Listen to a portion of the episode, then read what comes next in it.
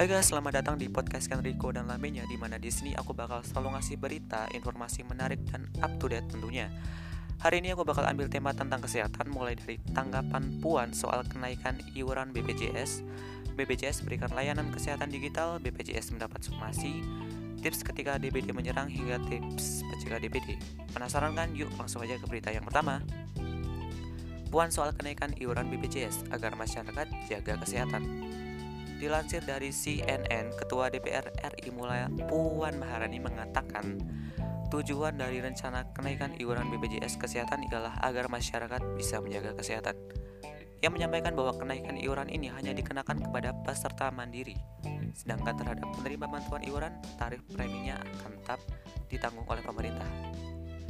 Menurut usulan dari Dewan Jaminan Sosial Nasional kepada pemerintah dan sudah disampaikan Menteri Keuangan Sri Mulyani ke Komisi 9 DPR iuran kepesertaan BPJS Kesehatan bagi kelas mandiri 1 akan naik dari 80.000 menjadi 160.000, kelas mandiri 2 dari 51.000 menjadi 110.000, kelas mandiri 3 dari 25.500 menjadi 42.000 per orang per bulannya.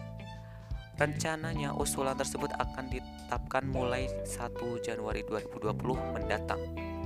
Sekian beritanya, tunggu aja berita selanjutnya hanya di podcast Kertigo dan lainnya. See you.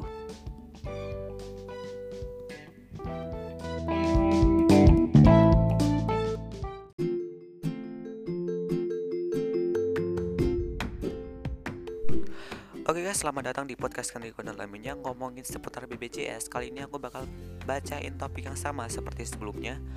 BPJS Kesehatan gandeng Halodoc berikan layanan kesehatan secara digital. Dilansir dari konten.co.id, aplikasi teknologi kesehatan berbasis online Halodoc menandatangani MOU atau Memorandum of Understanding dengan BPJS Kesehatan Kamis Oktober. Kerjasama ini memberikan layanan kesehatan kepada masyarakat secara digital khususnya bagi peserta BPJS Kesehatan. CEO Halodoc, Jonathan Sudarta berharap dapat memudahkan akses kesehatan masyarakat dengan teknologi. Direktur Teknologi Informasi BPJS Kesehatan Wahyudi Baginda menambahkan, Pemanfaatan teknologi dalam layanan BPJS telah menjadi fokusnya setiap beberapa tahun ini untuk memaksimalkan layanan kepada masyarakat salah satunya adalah Mobile JKN.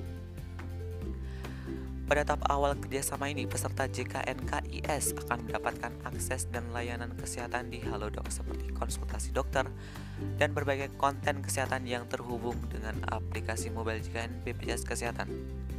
Sekian beritanya, stay tune dan jangan ke mana-mana untuk up to date informasi selanjutnya.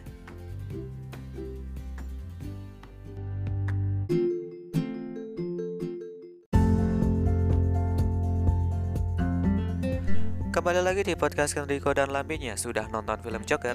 Di film Joker mengidap penyakit mental Nah, beberapa waktu yang lalu BPJS disomasi karena menyamakan ODGJ dengan Joker Sejumlah kelompok masyarakat seperti Sejiwa, PJS, BC, YLBHI, IHCS dan YLBHI membuat somasi terbuka kepada BPJS Kesehatan karena postingan akun media sosial BPJS 8 Oktober kemarin yang berisi JKNKIS menanggung perawatan penyakit orang-orang dengan gangguan jiwa agar tidak tercipta joker-joker lainnya dengan menyertakan gambar joker sebagai background. Menurut mereka, unggahan tersebut tak sesuai dengan beberapa pasal salah satunya pasal 1 ayat 3 tentang kesehatan jiwa BPJS telah melakukan diskriminasi dan menuntut BPJS untuk mencabut postingan tersebut serta menyampaikan permohonan maaf melalui media TV, cetak, dan media sosial. Jika dalam waktu yang ditentukan BPJS tidak melakukan somasi, maka mereka akan mengajukan gugatan warga negara. Sekian beritanya, stay tune dan jangan ke mana-mana untuk update informasi selanjutnya.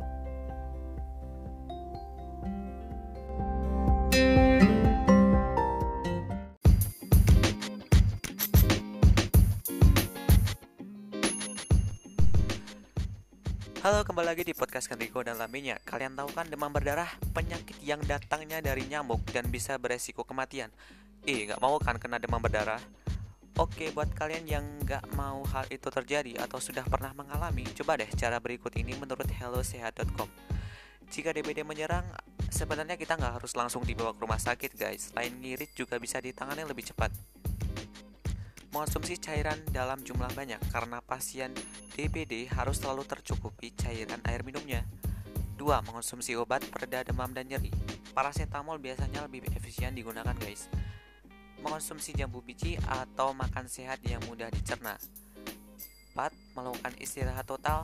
Pasien DBD harus istirahat total agar mempercepat pemulihan. Yap, itu dia tips jika kalian pasien DBD yang mungkin tidak mau pergi ke rumah sakit. Semoga bermanfaat.